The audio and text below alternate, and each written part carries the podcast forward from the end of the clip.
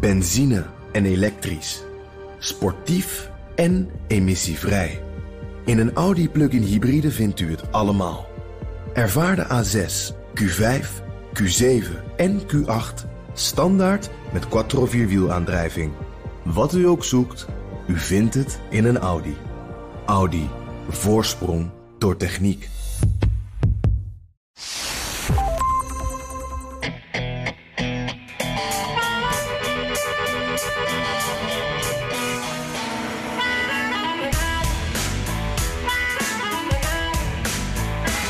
Natuurlijk waren alle ogen deze week gericht op Nancy Pelosi en haar omstreden bezoek aan Taiwan.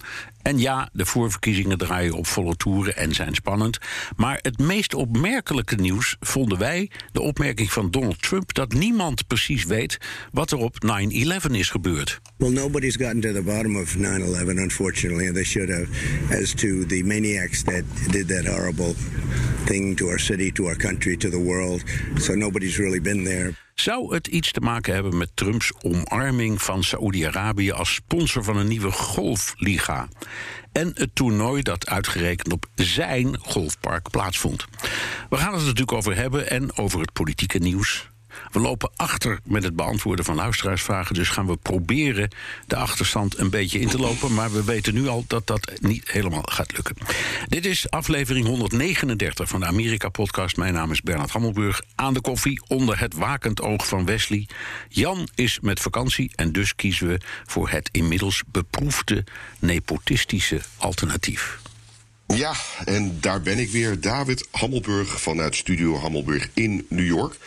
Het is nu 7 uur s ochtends, dus vanzelfsprekend staat ook hier een beker dampende koffie.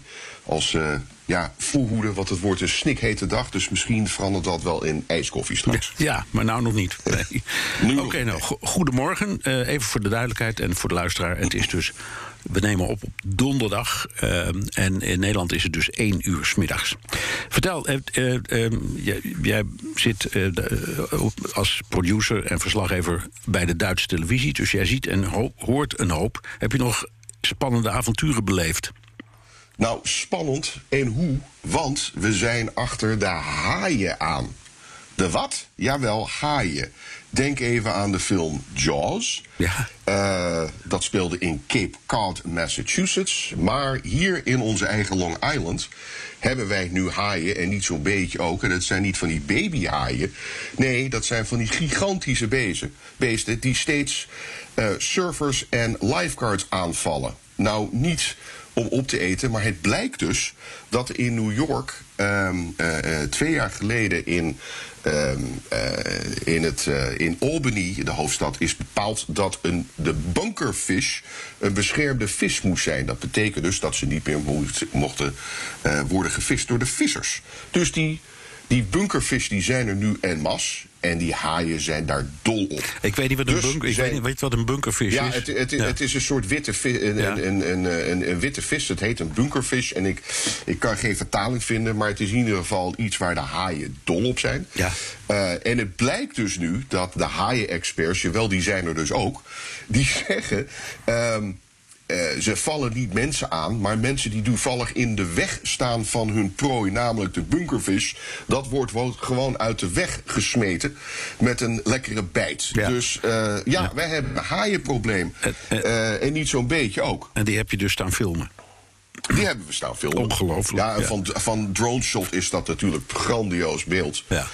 Uh, Zo'n gigantische haai uh, in Long Island. Ja. En dan heb je het ook over de Hamptons. En dan heb je het over Jones Beach. Ja. En voor die toeristen die uit Nederland komen, graag naar Fire Island willen.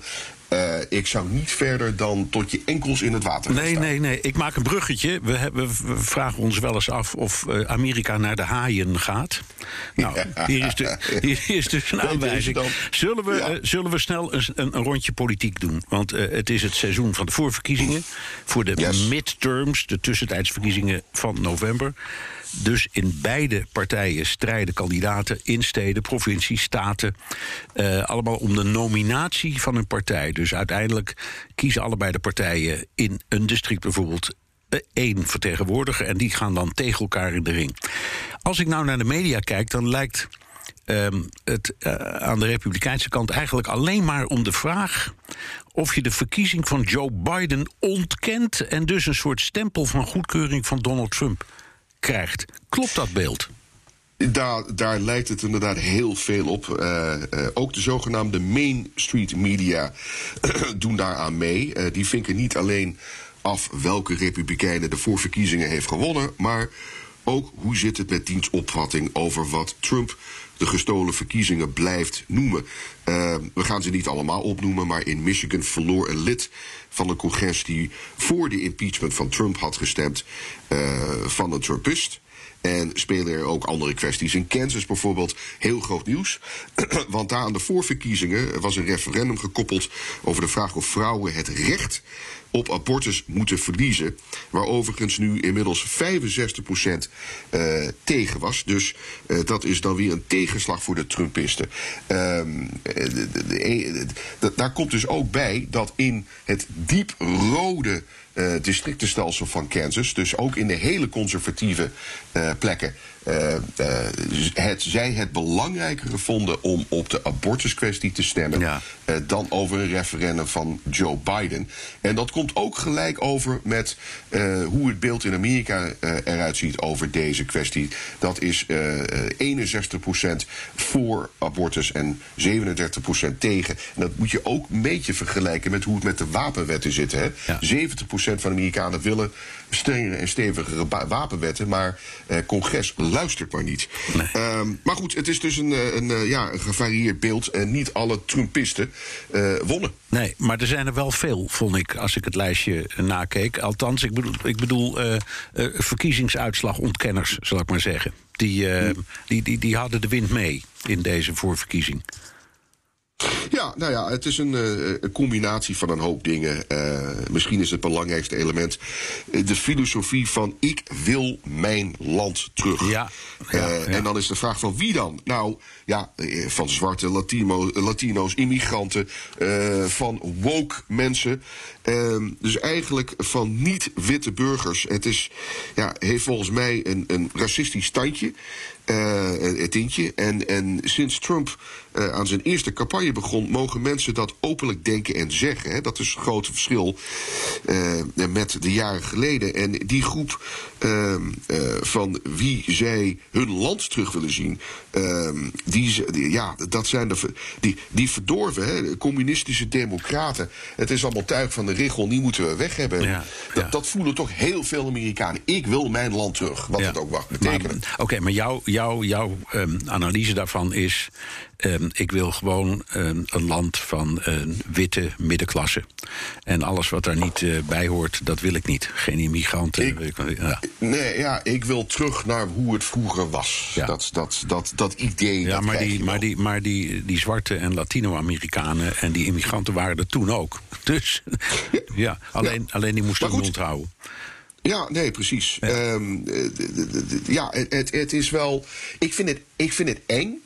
Uh, aan de andere kant zie je vooral uh, in het wereldje van Fox News dat het allemaal zo goed wordt gepraat. Ja. ja, maar die mensen die deugen ook niet. Want die, die illegale immigranten, dat zijn de verkrachteraars en de moordenaars. En ja. uh, ja. dat zijn de fouten. Natuurlijk moeten wij zij er, hun eruit houden. Ja. Ja, nou, hey, um, nou zie ik ook uh, meer aandacht voor andere prominente republikeinen als alternatief voor Trump. Dus ik lees daar allerlei stukken over. Ik zie daar af en toe ook op de televisie uh, dingetje, dingetjes over. Begint de magie van Donald Trump een beetje af te brokkelen? Een beetje, en dat heeft vooral te maken met de hoorzittingen van 6 januari.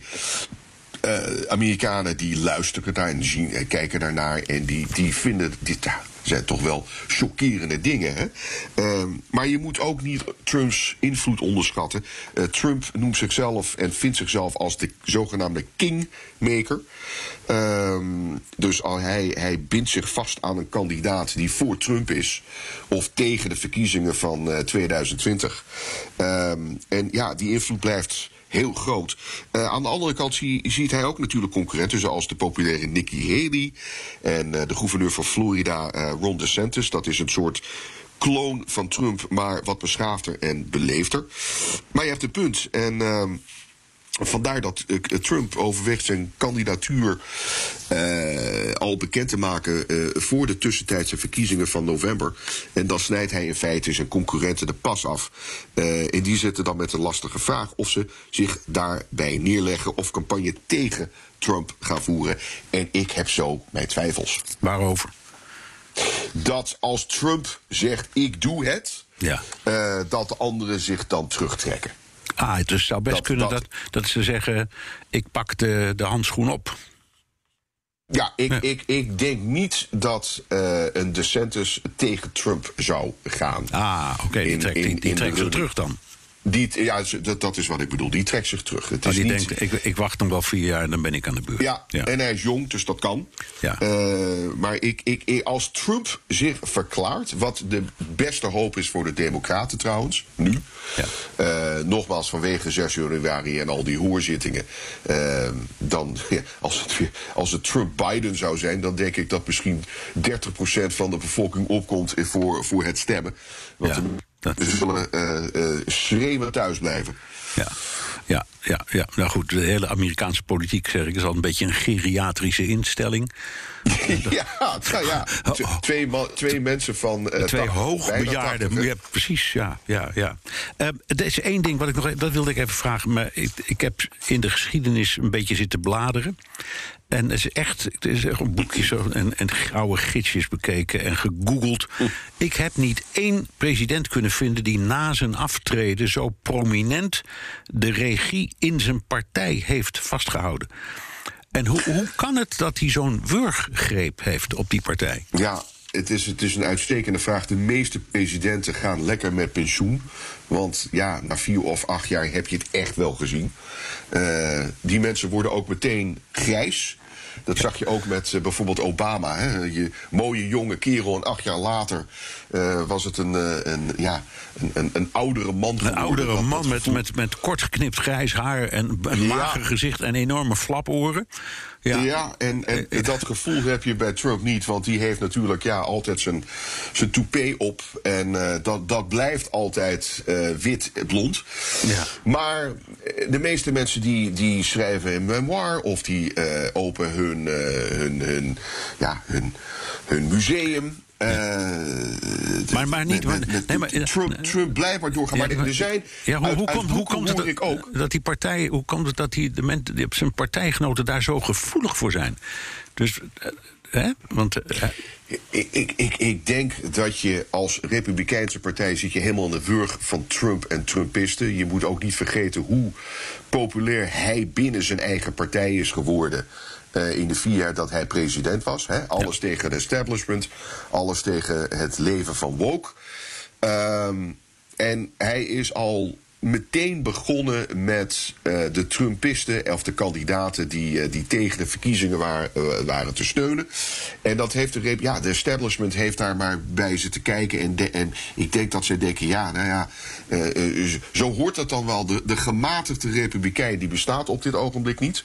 Dus, het is, dus het is nu voor of tegen Trump. Ja. Eh, het enige wat ik daarbij wil zeggen is dat dat is binnen de Republikeinse Partij. Maar als je onafhankelijk bent eh, of, in het, eh, of, of gaat stemmen over twee jaar de verkiezingen, dan heb ik mijn grote twijfel of dat succes eh, van Trump nu wel zo overkomt op, eh, op de rest van het volk. Ja. Hoe slecht Biden het ook heeft gedaan. Dus ik denk als je de census bent, dan kijk je met argusogen naar wat Trump doet. Eh, en ik denk niet dat mensen het lef hebben. Ik zou hopen van wel hoor, maar ik denk niet dat ze het lef hebben om tegen Trump te gaan tijdens een. het, het republikeinse nominatieproces. Ik zie het niet zo snel gebeuren. nee, nee, nee. Zoveel macht heeft hij. nee, het is ook niet het is ook ongebruikelijk. Hè. Meestal in zo'n geval dan, dan treedt de rest terug. Maar goed, we zullen het zien. Het is, we lopen. Nou ja, we zagen het met eh, Ted Kennedy, eh, eh, die tegen Jimmy Carter ging hè, in, in de- Zeker, de verkiezingen van 1980. Ja. Veel mensen zeggen nog altijd dat, dat Carter daardoor een grote.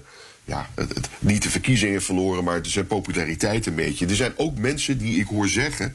Trump wil in de running blijven en gaat zich weer kandidaat stellen. eh, ook voor legale redenen. Want zolang je een kandidaat bent om president te worden, eh, dan houden alle rechtszaken. ah, ben je dan ben je onschendbaar? dan ben je onschendbaar. Eh, dat kan pas als je na je president bent, wat hij dus nu is. Ja. Dus als je naar de gouverneur of naar de Letitia James, de, de, de, de, de, de minister van, van Justitie in New York, kijkt, die is. Druk bezig om dat hele, ja, dat hele Trump-team, de, de, de Trump Company, eh, een kopje kleiner te maken. Zolang dat allemaal gaande is, eh, is Trump gewoon een meneer eh, die ex-president was. Als hij dus weer in de running is, dan is dat weer allemaal over. Ja, ja, Dan kan je weer vier jaar verder, mocht hij winnen. Dus dat, dat heeft er ook mee te maken. Nou, zou ik misschien ook doen, in zo'n geval. Wie weet het. Hey, moeten, we, moeten we nog even praten over Pelosi en Taiwan? Eh, want dat... dat, dat- Alweer? ja, nou ja, maar het speelt nog wel enorm, hè. Eh, ik had de indruk, nou de indruk... Ik had de, de indruk dat Biden duidelijk de pest in had. Ehm, en, en over de argumenten voor en tegen hoeven het niet meer te hebben. want Dat is allemaal in, in, bij BNR en bij elk ander eh, nieuwsmedium wel uitgeplozen. Maar wat mij enorm intrige- intrigeert. ehm, het het is niet eens zozeer wat de gewone burger ervan vindt, maar wat doet dit nou met de positie van Biden? Is het, is het feit dat hij er tegen was, ehm, maar niet overtuigend genoeg was, niet een teken, teken van, van zwakte. En natuurlijk mag Pelosi gaan waar ze wil. Het is een democratie en het is een belangrijk eh, eh, parlementslid. Maar aan de andere kant, Biden was duidelijk tegen. En dat heeft hij. wa- Waar was zijn gezag?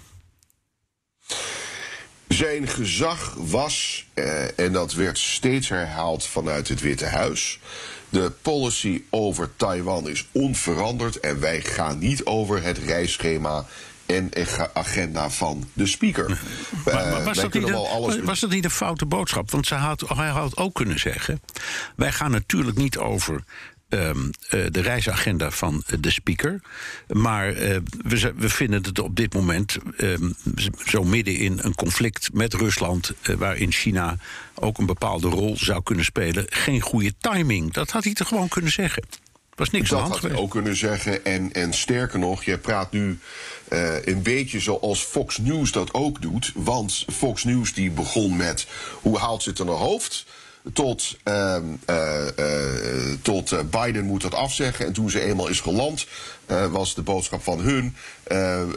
waar, hoe haalt Biden het in zijn hoofd om haar niet volledig te steunen. Dus ja, zo pendelt dat ook een beetje. Maar het is een hele goede vraag. De timing is slecht. Dat heeft hij ook gezegd. Ja. Ehm, ik, ik, ik- ja, eh, eh, 25 jaar geleden was, eh, was de voormalige speaker Gingrich eh, van de Republikeinen. Die was ook in, eh, in, in Ja, Taipei. nou, en dat, maar- dat, maar- daar, maar toen was daar had Clinton ook de Ja, maar- maar, maar- maar, maar goed, dat Clinton- was oppositiepartij. Ja, precies. Clinton was democraat en, en Gingrich was republikein. Dus die hadden Ja. ook om andere reden hadden die, de, de, veel de pest op elkaar in. Ja. Wa- Wat we wel weten is dat, eh, dat Pelosi eh, zeer, zeer anti-China is. Tenminste, eh, zij is pro alles wat met democratie te maken heeft. Eh, is een fervente tegenstander van het communistische regime in China. Dat heeft ze in, in de afgelopen decennia al heel duidelijk gemaakt. Waarom ze dat nu moest en wilde doen, ja, dat, dat, dat, dat, dat weet zij alleen. Ja. Maar Biden zit inderdaad in een, in een moeilijke positie nu. En laat ik het zo zeggen, daarom ben je president om, hè, om een indruk te maken over s- de, de, de, de, de, sterkte te laten zien. En dat heeft hij ook niet echt Ja. gedaan. Ja, je gezag, dat, dat Ja. heeft hij ook niet. Hij deed het op zijn Bidens. Daar is op zich niks, niks mis mee. Maar eh, ja, de Republikeinen die zitten met hun messen scherp. Ja. Eh, dus dat was weer, was weer een prachtig moment om duidelijk te maken voor de Republikeinen hoe weinig gezag hij, hij heeft. Ja. Hè? En als je het hebt over bijvoorbeeld eh, eh, het doodmaken van eh, Al-Zawahiri, Zawahiri, ik Ja. kom steeds niet op zijn naam, Ja. dan, dan, dan zeggen de Republikeinen ook, ja, een mooi moment, maar wat hadden wij een foute keuze gemaakt in Afghanistan een jaar geleden. Dus het komt steeds maar weer terug over het gebrek aan gezag van Biden. Ja, en, en, en, ik- wat, ik- wat, en hoe, kwam, hoe kwam het dat die man in Kabul woonde? Want dat Ja, is toch officieel ja, ja, tegenwoordig een bondgenoot? Ja, ja precies. Dus in, het is- in de safehuis Nou, daar. ik had Is- zelf- Is, is, dat... Ik, ik wil jou ook even een vraag stellen. In, in Nederland en in, laten we zeggen, Westers-Europa... Uh, komt Biden ook zo over zoals dat op de meeste Amerikanen overkomt? Ja, of houden mensen een beetje schouders erover op? Nou, dat laatste natuurlijk in de eerste plaats. Want we, we, de Europeanen zeggen Amerikanen. En we hebben op het ogenblik andere problemen aan ons hoofd. Hè. Zoals je weet, er is voor het eerst sinds de Tweede Wereldoorlog een oorlog in Europa. En, ja. en dat zuigt heel veel uh, aandacht op. De kwestie Pelosi heeft ook wel enorm veel aandacht gevraagd. Dat moet ik er uh, wel bij zeggen, heel veel. Um, de positie van, van Biden wordt ook veel over gesproken. Um, en, maar het, natuurlijk niet zo. Het leeft, ja, het leeft niet zoals in Amerika zelf. Spreekt vanzelf. Het is, het is niet. Nee, maar ik denk, Denk je dat hij net zo onpopulair is in, uh, in Europa als hier? Of nee, valt dat wel mee? Nee, nee, nee. Ik denk dat hij in Europa populairder is. Omdat, hm. omdat de, de Europeaan die denkt iets anders. Hè. er is heel veel kritiek in Amerika over dat, dat bijna fluisterende, slappe mannetje. dat daar een beetje gebogen uh, over een spreekgestoelte staat. En, en, en, en geen persoonlijkheid is. Dat zijn argumenten die je in Europa niet zo snel zult horen. Uh, omdat van die hele uitgesproken schreeuwlelijke, die zijn in, uh, ja, behalve Boris Johnson natuurlijk, hè, tot op zekere hoogte, en misschien Macron. Maar dat is in, in Europa niet zo, zit niet zo in de cultuur. Dus, nee. uh, dus leiders en ministers, en ga zo maar door, die zijn allemaal een beetje, zijn een beetje meer Biden dan Trump, zal ik maar zeggen, in hun communicatie. Dus, ja, dus, ja, dus, dus daar wordt niet zo op ingezoomd. Maar goed. Um, het, het, het, het laten we zeggen, Europa begint wel in te zien dat uh, Biden niet een krachtfiguur is. En dat maakt heel veel mensen bezorgd. Ook vanwege de situatie nu. Ja, wat zou er ooit gebeuren als Trump ja. weer president wordt en dan je hebt nog steeds ja. die oorlog of er komt een ander conflict. Ja, ja, dan we're on our own, dat hoor je dan steeds meer zeggen. Ja, ja hey, nee, dat klopt. Nou, even naar het verhaal waar we de podcast mee begonnen. Trump die zei dat niemand precies weet wat zich nou precies op 9-11 heeft afgespeeld. Hij, stond op zijn golfclub in New Jersey. Daar werd een ronde gespeeld van een competitie van een nieuwe liga, LIV, een concurrent van de Professional Golf Association, PGA, die al sinds het begin van de jaartelling, geloof ik, toernooien organiseert. Wat is daar nou aan de hand? Nou, um, het is een smeuig verhaal. Uh, de PGA, dat is laten we zeggen de UEFA uh, of de FIFA van, uh, van de golfwereld. Alles wordt georganiseerd van en door de PGA. En de PGA heeft, net zoals in tennis, vier majors. Eén daarvan is de PGA Championship. En waar was die PGA Championship gepland dit jaar? Jawel, in Bedminster, New Jersey, Trumps golfclub. Wat is er gebeurd? 6 januari. PGA heeft toen gezegd: wij ontnemen uh, dit toernooi van uh, de Trump Club en wij gaan ergens anders naartoe, want wij willen helemaal niets meer met Trump te maken hebben. Tegelijkertijd is de LIV opgezet, de LIV LIV, dat is dus een nieuwe liga, opgezet met Saoedisch geld. Uh, het wordt ook de Saoedi-Arabië-liga genoemd. Dat is een liga. Je moet, eh, er was eh, vorig jaar veel nieuws dat de, de Champions League zou worden vervangen met een Super League. Ja, in het voetbal. Ja, ja, uit, ja. ja, waar de grootste clubs uit Europa mee zouden doen. Nou, dit is een soort vergelijking. Um, om het heel simpel te houden. De Live League is uh, opgezet met het viervoudige in geld. Zo simpel is het. Ja. Uh, dus als je uh, voorheen een miljoen won met een, uh, een groot toernooi, dan is dit nu 4 miljoen. Om het even heel simpel te houden. Ja. Dus wat heeft de LIV gedaan? LIV heeft als CEO aangenomen Greg Norman ook de Shark genoemd. Jawel, we hebben het steeds over haaien in het thema. Maar dat is wel ongeveer uh, de golfer uit een hele golfer, ja. ja. Ja, die is dus de CEO geworden. En die heeft uit de PGA Tour... Um, de beste kunnen wegplukken om deel te nemen aan de live toernooien. Um, behalve Tiger Woods, die is aangeboden. ik hoop dat je zit. 8 100 miljoen dollar om mee te doen aan deze toernooien. Nou dat ja. heeft Tiger Woods geweigerd. Wesley, Wesley en ik zitten even naar elkaar te kijken en Ja. zeggen: Nou, dat, heb, dat, dat verdienen wij ook. Dus daar zijn we niet van onder de indruk hoor. Precies. Ja. Nee, ja, nee, maar hij heeft dus nee gezegd. Maar goed, eh, Trump had de pest in. Dus Trump heeft gezegd: Weet je wat, er is een prachtig nieuw toernooi. Ik hou zo'n toernooi hier in Bedminster op mijn golfclub. Eh, dus dat was eh, heel groot nieuws week. En de reden waarom het groot nieuws was, je hoorde het citaat al van Trump. Die, eh, die zei: Ja, ach, we weten niet precies wat erachter, eh wie erachter eh 11 september eh, zat. Dat is natuurlijk waanzin. Want in 2015 zei hij zelf al: Het is de Saudis die de schuld hebben. En bovendien was hij vier jaar president. Dus als hij nieuwsgierig was geweest over zijn eigen stad, had hij even aan de, de CIA kunnen vragen hoe dat precies zat. Dus Ja. het is allemaal lulkoek. Ehm, maar goed, en wat hij dus ook zei, eh, als onderdeel van dat interview op ESPN, hij zei: ja. eh, dat PGA dat is zo corrupt als de pest. eh, moeten we denken aan, aan FIFA. En dit is een prachtig nieuw toernooi met onze Saoedische vrienden. Eh, dus dit is eh, een mooi moment om dit hier te houden. Ehm, maar goed, dat, dat Saudi-Arabië-verhaal dat is dus vreselijk. Want er zijn eh, families uit 11, van de 11 september, eh, de 11 september brigade, die al jarenlang bezig is om de eh, regering van Saudi-Arabië voor de rechter te halen. Daarvoor hebben zij de documenten nodig van de FBI en de CIA om te achterhalen wat er precies is gebeurd. Daar moeten ze nog op wachten, want alle presidenten hebben belofte gedaan aan deze lui om de documenten vrij te maken. Eh, Biden, dat was een, een, een, een, eh, een campagnebelofte aan deze groep. Die eh, heeft dat half gedaan. Ook een beetje op zijn Bidens. Dus niet alles is opengemaakt, maar veel. Maar met andere woorden, die zielige families van 9-11 stonden dus afgelopen vrijdag te protesteren en te demonstreren bij de Trump Club. hoe die het in zijn hoofd heeft gehaald eh, om zo'n actie te ondernemen. En daaronder waren heel veel Trump-aanhang.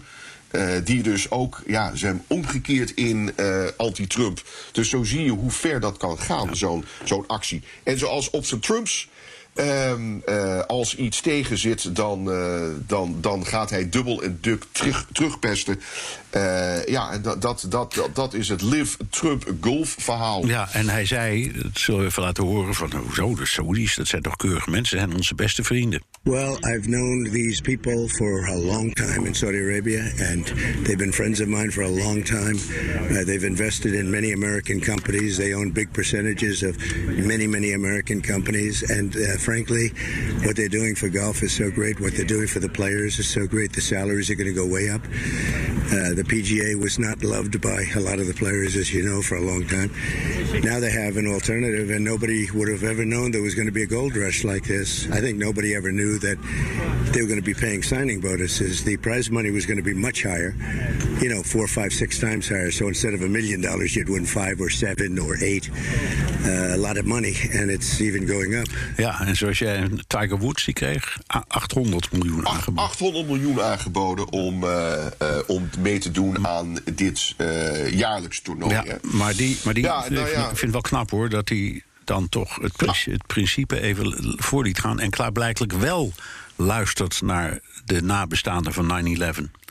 Ja, en, en eh, nou ja, goed, dat hele Saoedi-verhaal, dat is natuurlijk vreselijk. En eh 15 van de 19 terroristen van 11 september eh, waren Saoedi's. Dus Ja. het is, ja, nou goed, dat, dat, dat hoeven we niet te herhalen. Maar voor Nee. die families is het natuurlijk vreselijk. Die, eh, ja, en voor Trump is dit weer ja, zo'n Trump-moment om eh, lekker even zijn spierballen te laten zien. Want daar houden Amerikanen zo Ja, van. ja.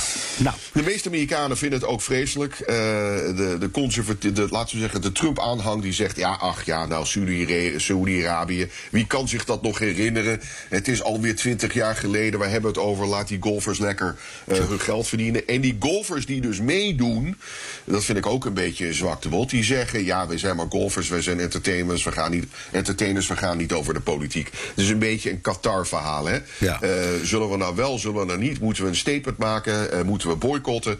Eh, het is allemaal een beetje vergelijkbaar. ja. Oké, nou. ehm, ik, we hebben het nergens gelezen, dus voor de luisteraar van de podcast is dit vast allemaal nieuw. En dat brengt mij erop, zullen we naar de vragen gaan. Ehm, Want het zijn er ontzettend veel. We hebben een soort stuwmeer. Dus ik, ik zeg nu van tevoren al: het gaat niet allemaal lukken, lieve mensen. Dus uh, sommigen van jullie komen weer niet aan de beurt. Je kunt een vraag sturen uh, via mail of via de America Podcast WhatsApp. Daar kun je ook een boodschap in spreken. Het nummer is 06 28135020. En hou je voiceberichten en ook andere berichtjes zowel via WhatsApp als e-mail of anderszins beknopt, want dan kunnen we ze meenemen. Dus we krijgen vaak hele lange verhalen en dan wordt het nog steeds, dan wordt het veel moeilijker. Nou, um, zullen we beginnen? Ik, Laten we beginnen. Ja, oké. We hebben de tijd voor, we, dus we hebben, let's go. We hebben, we hebben nog wel een half uurtje, dus we komen wel net. Laten we beginnen met uh, uh, Thomas van Kamp. Uh, die, de, dat was er eentje die in het stuwmeer zat, zal ik maar zeggen. Dus die, die mm. moest een weekje of twee wachten. Um, en die zegt dat het hem opvalt dat Joe Biden altijd zo beleefd naar de Republikeinen blijft. Waarom gooit hij het niet over een andere boeg en doet hetzelfde als Trump om zijn tegenpartij zwart te maken? Uh, en hij geeft dan voorbeelden dat, uh, dat abortus is een mensenrecht, dat is afgepakt. Uh, dat Trump een, een, een, een, een, een staatsgreep wilde plegen in het kapitool. Dat kan hij toch gewoon zeggen. Nou, je bedoelt, je bedoelt iets sterkere taal dan alleen come on man. Ja. Ja, nou ja, Biden is Biden. Uh, Trump is Trump. Ik, denk, uh, er bestaat maar één Trump. Uh, laten we even wel wezen. En Biden is altijd een, een, iemand geweest in het Senaat, 24 jaar lang, die altijd uh, uh, zijn handje uit heeft gestreken naar de, de Republikeinen en, de, en, de, en de, hun vijand dus. Uh, om samen door één deur te gaan. Dus het is altijd een man van compromissen geweest. En het is ook niet echt in. Het zit ook niet echt in zijn karakter. om tegen andere politici uit zijn dak te gaan. ik heb het hem heel weinig zien doen. Hij kan wel uit zijn dak gaan over onderwerpen. Um, maar dat hele verhaal over de Republikeinen aanvallen, dat zit gewoon niet in zijn karakter. Heb jij het hem ooit zien doen? Nee. En ik denk, eerlijk gezegd, dat is een goede vraag wat dat betreft uh, uh, uh, van Thomas. Want um, ik, ik denk dat het zou helpen als hij gewoon ietsje meer assertief, agressief, hoe je het wil noemen zou zijn in de manier waarop hij optreedt. Maar goed, je hebt gelijk. Hij is, hij is, hij is en als hij dus assertief is hè, over een onderwerp, dan uh, spreekt Fox News het aan als: ja, moet je kijken, die oude seniele man die even stout probeert te doen. Ja. Dat, daar, daar prik je toch zo doorheen. Ja, nou, er, er, zit nog wel wat in, er zit nog wel wat in ook, omdat hij dan, hij leest iets voor en midden in wat hij voorleest, dan verheft hij zijn stem en wordt boos, maar hij leest nog steeds voor. Dus hij valt ook een beetje door de mand. Dat is ook wel zo. Klopt, klopt. Ja. Oké, we gaan uh, naar het uh, Tabbe Maas. Um, uh, komt heel vaak in, in Amerika. En die wijst naar iets waar ik het over had pas geleden. Toen hadden we het even over Watergate. En ik zei toen dat het verstandig was geweest van Gerald Ford... toen die president werd om, om, een, om Nixon gratie te verlenen. Die was toen officieel nog in staat van beschuldiging. Um, en hij zegt dat kan misschien pragmatisch wel de beste oplossing zijn, maar um, hij wil dan toch even de advocaat van de duivel spelen. En was het niet veel beter geweest op, voor het rechtvaardigheidsgevoel van de Amerikaan. Als je dan, uh, nou ja, als je het imago doorsnijdt dat de, de, de, de rich en powerful overal mee wegkomen. Vind je wel een goede vraag hoor. Jij, ja. Het een hele goede vraag. Jij, jij hebt, dat kan ik mij altijd herinneren, jij hebt gezegd dat het voor het land heel goed was. Ja.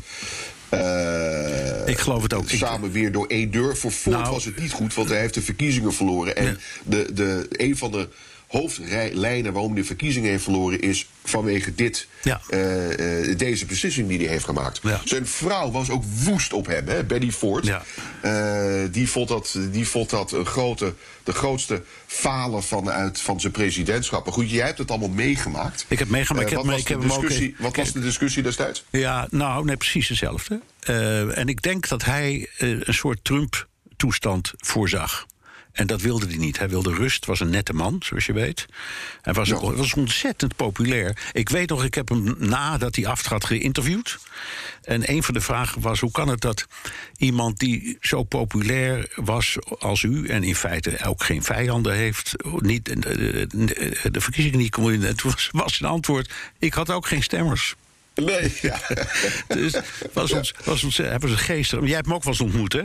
Ik, ik heb hem uh, ook geïnterviewd. Dat was ook wel heel uh, geestig. Want dat interview ging over uh, Yitzhak Rabin, uh, toen hij uh, werd vermoord, heb ik een aantal oud-ministers van Buitenlandse Zaken en presidenten geïnterviewd over hun relatie met Rabin. En die, die Ford die, die kwam binnen en zei. De cameraman zei toch te tegen mij: als hij een antwoord niet weet, dan, dan zit hij een beetje in met zijn stot te spelen. Een soort geluid. En dus ik vroeg hem een paar vragen over Rabin. En toen kwam er uit. En toen zei hij: Ik weet het niet meer, dat moet je aan Betty vragen. Uh, wat ik nog wel kan herinneren is dat ik een, een partijtje gaf voor, in het Witte Huis voor de koningin van Engeland. En niemand wilde dansen. Dus toen zei Betty tegen mij: Neem die koningin nou mee, ga lekker dansen. En wat speelde de band? The Lady is a Tramp. nou ja, dat was grote hilariteit. Maar ja. het had niets met het onderwerp nee, te maken. Maar hij had, hij had wel gevoel voor humor. Goed, hey, uh, we, Zo is het. We, we hebben een audiovraag. Uh, anoniem, ik weet niet van wie, maar hier komt hij. Ik luister iedere week jullie podcast en ik heb nu ook een vraag. Waar komt de verdeeldheid tussen democraten en republikeinen vandaan? Was vroeger altijd de grote issues zoals abortus en het homohuwelijk, maar die zijn nu redelijk beslecht, althans wat ik ervan zie.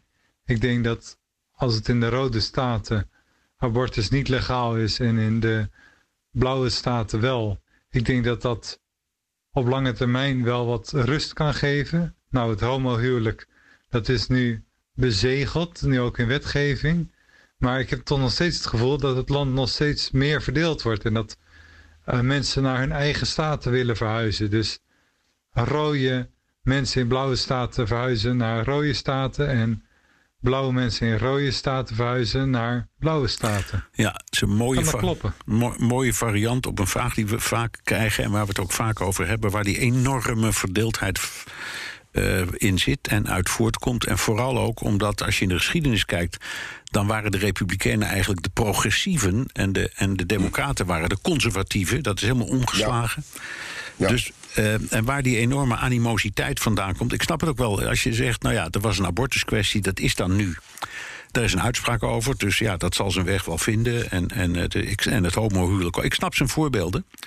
En ik snap ook zijn uh, verbazing over die verdeeldheid. Ik weet het nooit. Ik, ik, het is een, het is een, een ik zeg altijd, het is een binair land. Het, het ja, zijn, het zijn ik, alleen maar de nulletjes of eentjes. Er zit niks ja. tussenin. Ja. Nee, ik, ik, zal het even wat groffer vertalen. Uh, wij leven nog steeds in de mentaliteit van de burgeroorlog. Die burgeroorlog is nooit echt uitgevochten.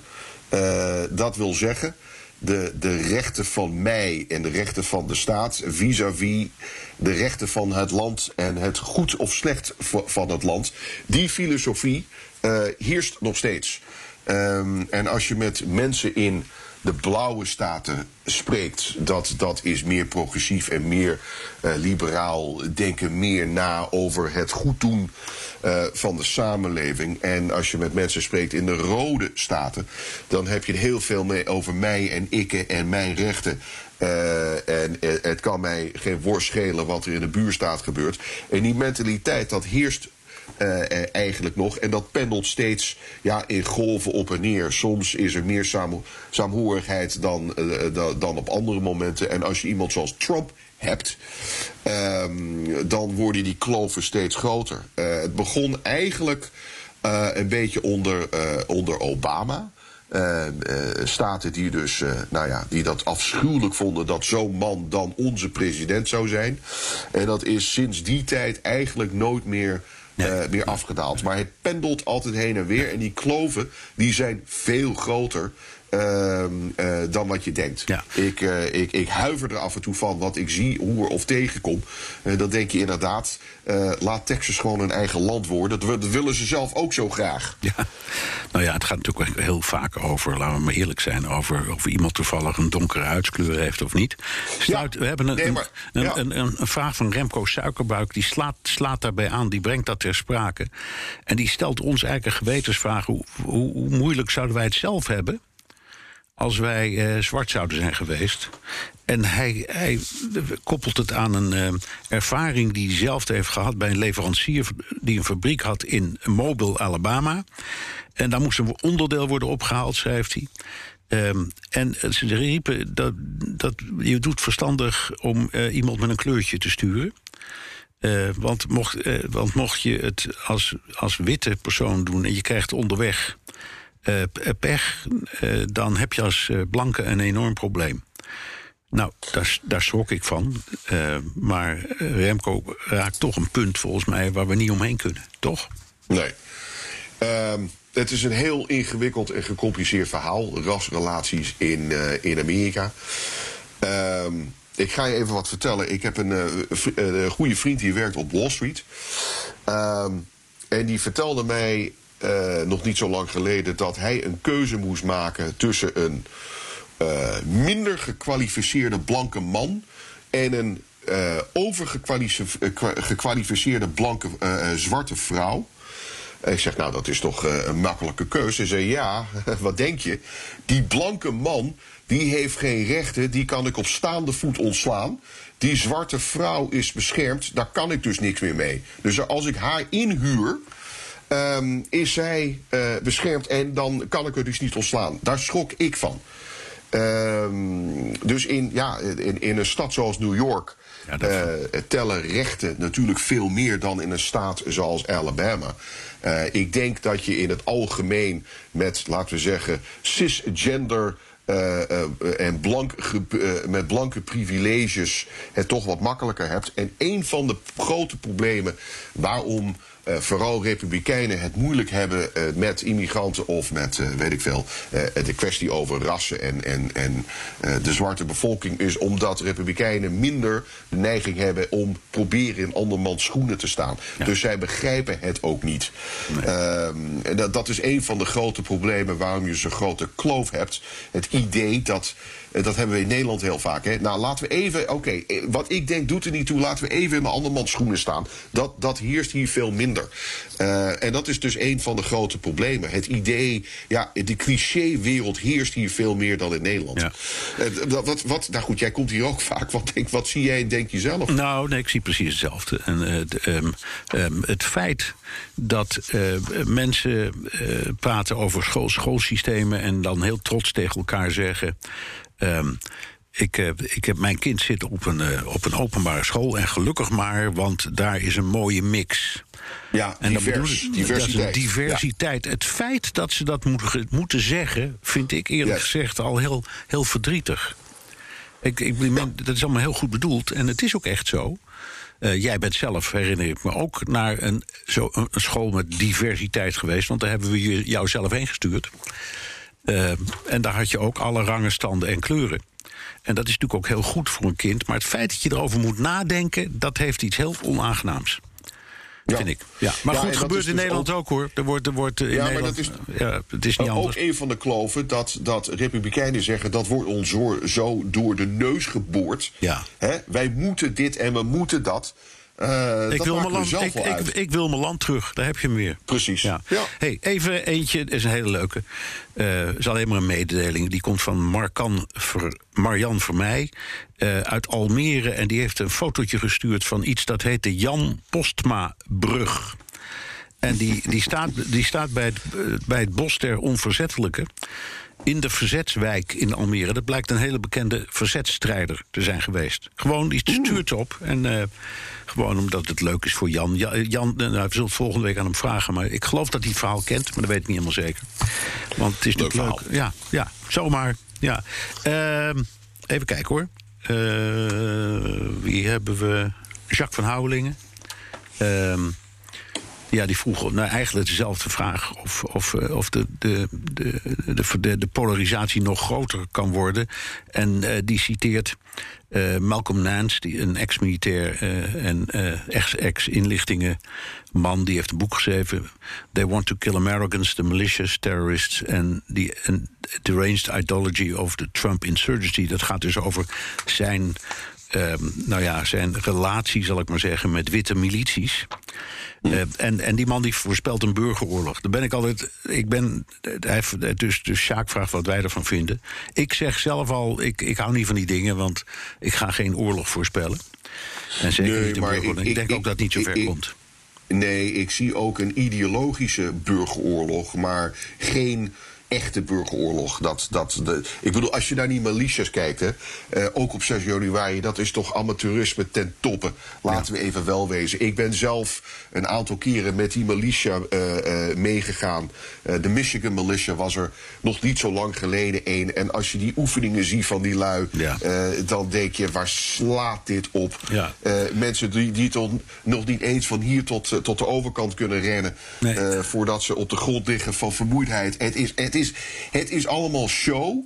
eh, met Nou ja, hele maar- enge wapens. Dat Dat, wil ik zeggen, dat wel. Maar wel met machinegeweren. Ja. Wel met machinegeweren, of te- tenminste semi-automatische geweren. Maar waar hebben we het over? Dit, dit, is, een, dit is een. Al die militias, dit is allemaal Mickey Mouse eh, Ja, eh. Eh, dus ik, ik, ik lach er af en toe wel een, een beetje over. Geen burgeroorlog, zijn we het over eens? Geen burgeroorlog, Hey, ik, heb nee. een, ik, ik heb een leuke vraag voor jou. Jij komt vaak in Canada, zakelijk. Zeker, prachtig ja, land. Ja, ehm, eh, en dit, dit is van Bas Galema. Ehm, en die vraagt hoe is het eigenlijk met de, in- met de verstandhouding tussen de Verenigde Staten en Canada? En hebben de machtswisselingen Obama, Trump, Biden daar invloed op gehad? Leuke vraag. Ik weet, ik weet het Een eigenlijk hele niet. leuke vraag. Ja. Nee, eh, ja, Canada is een fantastisch land. Eh, de alleraardigste mensen. Behalve eh, op, de, op het vliegveld, daar kom je hele strenge douane tegen. Dus als je voor de eerste keer Canada komt en je wordt aangekeken en je wordt heel streng en stout eh, eh, ja, be- beholpen, dan uh, dat is niet de rest van Canada. Dus dat is een waarschuwing. Relaties zijn natuurlijk altijd goed geweest. Ik bedoel, ja, Nederland, Denemarken toch ook. Daar moet je het een beetje mee vergelijken. Ehm, Canada vind ik altijd, ja, het is anderhalf keer zo groot als, als de Verenigde Staten met 30 miljoen inwoners. Ik bedoel, het staat helemaal leeg. Maar meestal en eigenlijk altijd, maakt niet uit wie de president is of wie de premier is in Canada. Uh, staan ze altijd aan hetzelfde lijntje. En uh, of het nou met militaire actie is of hulpverlening in uh, welk oord dan, dan ook. Het is meestal Amerika en Canada schouder aan schouder. ook onder Trump hoor was de, de verhouding prima. vergeet niet dat NAFTA werd verscheurd en de uh, ik wat is de nieuwe. Nou, de NAFTA 2 noem ik het altijd, ja. Ja, NAFTA ja, dat 2, was eigenlijk. dat had, Mexico. Ja, daar had Trump best een punt. Want dat, is dat, dat nieuwe NAFTA is gewoon beter dan het oude. Dus dat heeft dat is beter dan, heeft, het, heeft dan het oude. Nou, de, ja hoor, de deed Canada fluit het aan mee. En uh, Trudeau, ja, dat is een beetje een, een Obama-figuur die staat toch wel. Uh, die, die, is niet al te. Hij is net herkozen in september. Niet al te populair binnen Canada. Want hij maakt toch wel wat grove fouten. Uh, maar die, ja, die verhoudingen tussen die twee landen, dat is altijd prima geweest. Ik heb eigenlijk heel weinig meegemaakt dat er, dat er ook maar één moment van spanning of bonje ja, is tussen de twee nee, landen. Nee, nee, dat klopt. Ik, mijn indruk in Canada altijd is dat ik ben in Amerika. Alleen in het, ge het gebied van sociale voorzieningen lijkt het op Nederland. Ja, maar dat moet je niet uit het Franse gebied uh, zeggen. Hè? Je kunt dus uh, heel Quebec. Nou, dan lijkt het op, het, dan lijkt het, dan lijkt het, op, het, dan lijkt het op de Franse ja, voorzieningen. Ja, precies. Ja. Nee, maar je hebt, je hebt gelijk. Het is, het is uh, landschap Amerika met een Europees parlement en sociaal-democratisch denken. Ja. En Canadezen begrijpen hun, hun, zuidburen ook niet echt hoor. ook Canada heeft, is een land vol wapens en daar is incidenteel is een keer een een, schietpartij. Uh, dus de, laat ik het zo zeggen. Ik denk dat de Amerikanen naar Canada kijken met een knipoog en zeggen: Ach, wat een, wat een mooi, leuk land met aardige mensen. En onze Noordburen kijken naar Amerika met een, met een grote vraagteken boven hun hoofd: van wat, is de, wat hebben wij toch gekke buren? Ja. Zo is het een beetje. Nou, het is ook waar.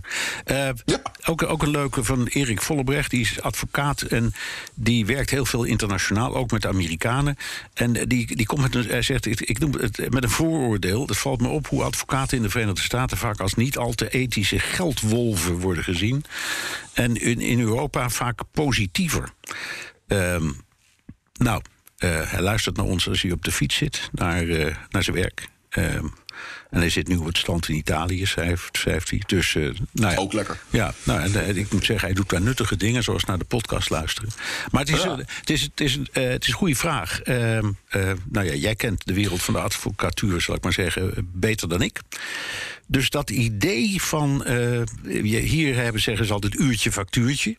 Ja. Dus een, een, advocaat probeert zoveel mogelijk uren te schrijven, want dan verdient hij zoveel mogelijk. Maar in Amerika heb je natuurlijk die hele grote eh, advocaten die, die, eh, die, die class action suits doen. En de zogenaamde ambulance chasers en noem het allemaal Yes. op.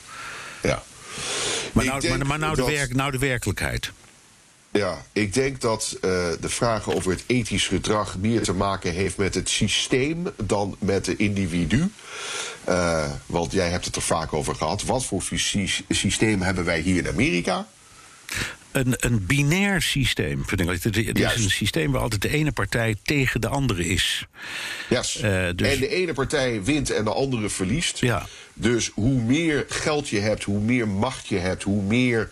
Eh, ja, Ja, hoe indrukwekkender jouw jouw eh, argument Ja. of je, het argument van je team is, hoe meer kans je hebt om te winnen. Met andere woorden, het is jij tegen ik en de, de, het is Darwinism, de beste wint. Dus dan kan je je afvragen, als dat zo is, eh, waar zit het ethische gedrag dan? Iedereen neemt een eet. Eh, dat hanteren ze in, in algemene eh, eh, richtlijnen ook wel. Maar hé, hey, winnen is winnen, hè, daar word ik voor betaald. En dat heb je in Nederland natuurlijk niet. Nee. Niet op deze manier. Reinoud Vos die vraagt, een hele leuke vraag over... hoe zit het nou met de regels van cadeautjes geven? Dat vind ik ook een leuke Ja. hoor. Rond de, feestdagen, want rond de feestdagen zie je altijd Amerikaanse advertenties... met cadeausuggesties, telefoon, laptop... Of, of allemaal dingen die meer dan 500 dollar kosten. En daar verbaast hij zich als goede Nederlander uiteraard over. Geven Amerikanen echt van die dure cadeaus? Ja, Ehm, in New York, zover ik weet, is er altijd rond de feestdagen een maximaal bedrag van, laten we zeggen, 2, 250 dollar. Eh, het wordt ook een belastingkwestie. Hè? Je kan niet zomaar een gift of geschenken geven zonder dat daar belastingconsequenties voor zijn. Maar in het algemeen eh, varieert dat van bedrijf tot bedrijf. Ehm de meeste bedrijven hanteren dus dat bedrag. En dat is nooit in geld, maar altijd in een eh, geschenk. Bijvoorbeeld zo. zo eh, kon mijn vrouw eh, een geschenk uitkiezen vorige, vorige feestdagen. tussen bepaalde flessen whiskies. die allemaal waarde had tot 199 dollar. Ja, dus ja. daaronder eh, wordt geen vragen gesteld. Dus nemen we dan die Johnny Ja, maar Walker dat- Blue maar- of, een, of, of een ander mooi geschenk. Nee, maar dat begrijp ik. Maar dat is dan in de sfeer van de relaties. Hè? Maar ik denk dat hij ook bedoelt ehm, eh, in de privésfeer. Eh, privésfeer heb je. eh, ja, eh, geld speelt een rol, maar nooit in echt geld. Het is altijd. ik neem mijn relaties naar de New York Yankees of naar de New York Knicks. Ook dat is trouwens officieel afgeschaft. Ja, mag niet meer, dat kan niet zo ma- makkelijk, maar meer als, als voorheen. Daar zijn nu regels voor. Ehm, maar het geschenk is. Ja, de- er staat een bedrag bij wat kan en Dat wat weet niet ik. Maar kan. nou, maar nou, maar nou binnen, de, binnen families of vriendenkringen. Ehm, Oh, je, eh, als, legaal als, als, kan als, je... als Wesley jarig is hè, en ik neem een cadeautje Ja. mee. Wat, wat, Ja.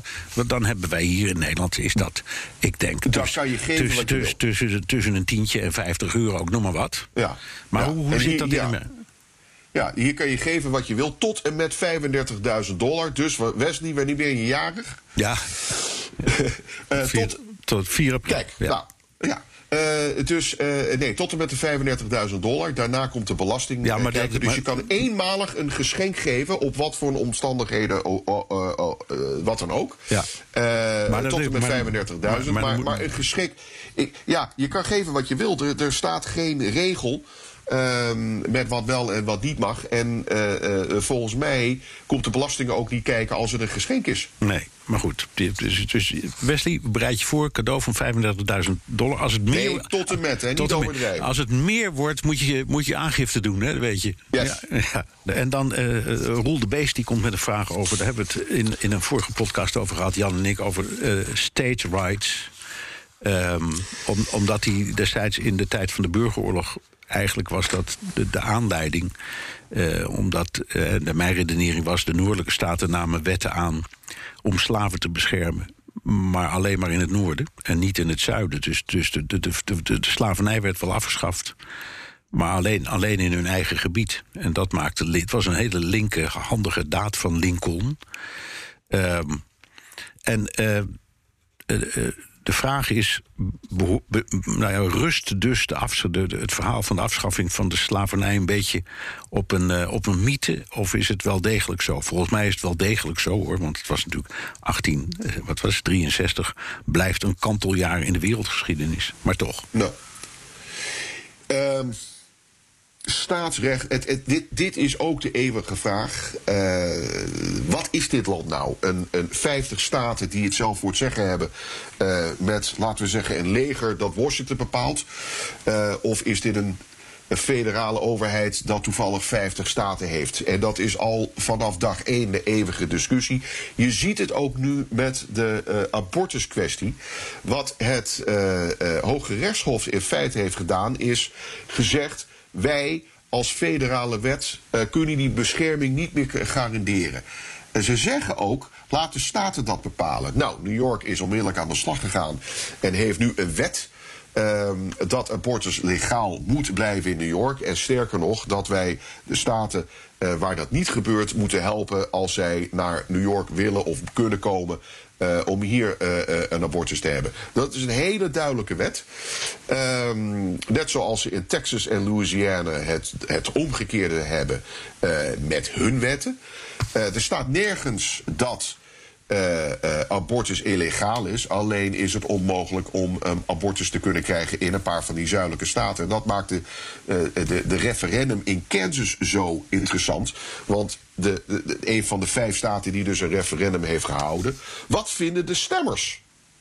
Ja. Je kan dus ook zeggen, wij als staat besluiten in Topeka, Kansas, dit is onze wet, that's it. Eh, Kansas heeft gezegd, nou laten we eerst maar even kijken wat de mensen vinden. En de mensen hebben een duidelijke eh, eh, mening hierover. Dus het is ook verdeeld hoe ze het doen. Sommige staten hebben een referendum, sommige staten nemen zomaar een wet aan. Ehm, de vraag is of dit allemaal legaal is. Zo'n wet is aangenomen in Idaho. En het ministerie van Justitie onder Biden eh, is nu met een rechtszaak begonnen dat het niet zomaar kan. Nee. Dus de, die onduidelijkheid. Eh, dat is ook, ook wel een beetje het mooie van dit land. Hè? Het is een experiment, dat zeggen Amerikanen ook. Eh, het is geen voltooid land. Het is een, een experiment om perfect te worden. Ja. Eh, dat maar staat kun je dan, in, maar in kun je dat dan allemaal Dus- blijven baseren op een eh, stukje document van bijna 300 jaar oud? Namelijk de, je, grondwet. Je weet, hoe, je weet hoe heilig die grondwet Precies, is in ja. Amerika. En ook vanwege die. ja, het is ambitieus. En dat. nogmaals, de Amerikanen vinden dat, dat wel mooi. Er staat ook. eh, to make a more perfect union. ja. Nou, wat betekenen die woorden letterlijk? Een meer perfecte eenheid. Wat is nou meer perfect? Dat is toch een contradictie in terminus. Ja. Eh, dus dat experiment dat blijft maar doorgaan. En als je een jurist bent, dan smul je van dit soort zaken. Oké, we nemen er nog één. Want eh, we- we- we- zoals ik al zei, we raken niet door die enorme stapel brieven. Maar dit is eentje, omdat jij en ik daar vaak de laatste tijd over spreken in New York. Het is een hele lange, ik ga hem niet voorlezen, van Dirk Lagendijk. Die kent Amerika door en door, komt er al heel lang eh, met zijn vrouw. Bijna elke staat eh, bekeken. En eh, in, in, hij, komt met een heleboel dingen. Maar er is één ding, dat heb ik eventjes aangestreept.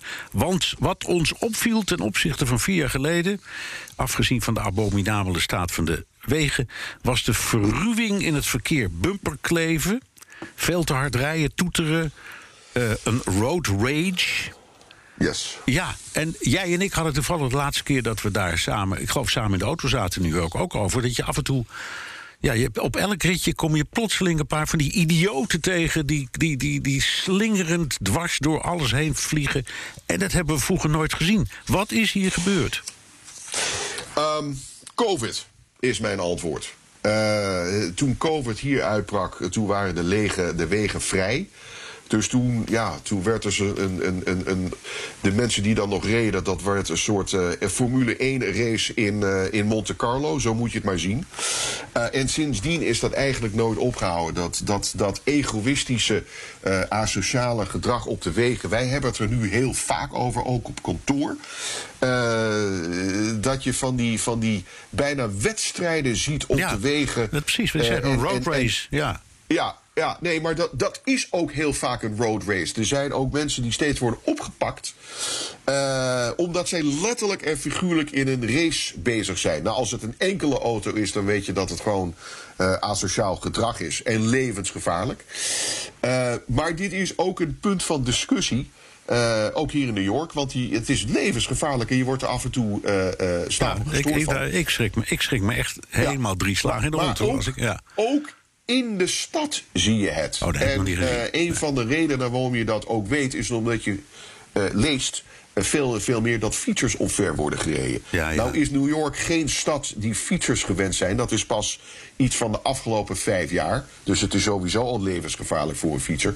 Maar als je dan ook nog een auto hebt die uh, 120 rijdt in een stad en die de fietsers uh, uh, niet ziet, uh, ja, dat ja, maakt het extra gevaarlijk. Okay. Je kan zeggen, ja, Trump, iedereen nu doet nu wat hij wil, want dat deed Trump ook. Uh, ik heb zo mijn twijfels dat, dat, iets, dat het een politieke kwestie is. Ik denk dat het meer een, okay. een, een, een, sociaal of een asociaal gedrag is. En uh, een beetje onder het mum sinds COVID YOLO. Hè? Heb je die uitdrukking in, in Nederland? Dat weet ik niet. YOLO, ja, ja, ja. Wesley you, zegt you only live once. You only live once, ja. ja Wesley Yes. zegt die kennen hem ook. Ik ken hem niet. Uh, Nee. Nou, in ieder geval, uh, Dirk bedankt. Hij schrijft nog heel leuk dat hij op eBay heeft gezocht naar een, de beker van de Air Force One uit de Reagan Library. Die heeft Jan mij ooit cadeau gegeven, maar wij hadden de tip weer van jou. Dus eh, dat wou ik je nog even meegeven. En die heeft hij gekocht voor een, of die heeft hij besteld voor een buurman, want die is oud-piloot. Nou, Leuk. dankjewel. Eh, even, even ertussendoor. Ik ga trouwens naar Los Angeles. En een, eh, een van de leuke dingen die wij altijd doen... is al die presidentiële musea opzoeken. Ja. Dus dit keer is de Nixon Library aan de beurt. Oh ja, die die- Yorba Linda. Zeer de moeite waard. Daar ben ik wel geweest. Yes. ooit. Ja. Ik Nou, zal kijken of ik daar een mok kan vinden. Zo is dat. Dat was hem weer, de Amerika-podcast. Had je trouwens nog recensies? Eén van eh, Bob Zwanenburg, gepensioneerd chemicus, veel in Amerika geweest, veel met Amerikanen gewerkt. En die zegt: Ik luister eh, sinds enkele weken met veel plezier naar jullie podcast. Dus het is een nieuweling, heeft ons net pas ontdekt. En ben steeds zeer onder de indruk van de, diepe, van de diepte en het kennisniveau van jullie. Dus veel dank. Nou, dat is prachtig om te horen. En eh, eh, als nepotistische invaller eh, heb ik de eer deze keer iets heel belangrijks te doen. Namelijk het uitreiken van de Amerika-podcast Beker van de maand juli. Jan en Bernard zijn het erover eens dat Maarten van den Heuvel een uitstekende vraag heeft gesteld over Amerikaanse territories. Gefeliciteerd, Maarten. Jouw beker komt naar Rotterdam, joh. Terugluisteren kan via de BNR-site, Apple Podcast of Spotify. Heb je vragen, opmerkingen, kritiek of complimenten, dan kan dat ook. Met een tweet naar Jan Postma USA of BNR De Wereld of heel ouderwets met een mailtje naar dewereld.bnr.nl. En je kunt ook je vraag inspreken of intikken op de Amerika Podcast WhatsApp 06 28 13 5020. En welk platform je ook kiest, zet behalve je naam ook je adres in de tekst. Voor het geval je die beker wint. Tot de volgende week. Dan is Jan er weer en voor mij tot een volgende keer.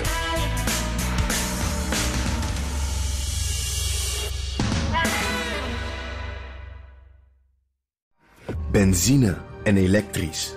Sportief en emissievrij. In een Audi plug-in hybride vindt u het allemaal. Ervaar de A6, Q5, Q7 en Q8 standaard met quattro vierwielaandrijving. Wat u ook zoekt, u vindt het in een Audi. Audi. Voorsprong door techniek.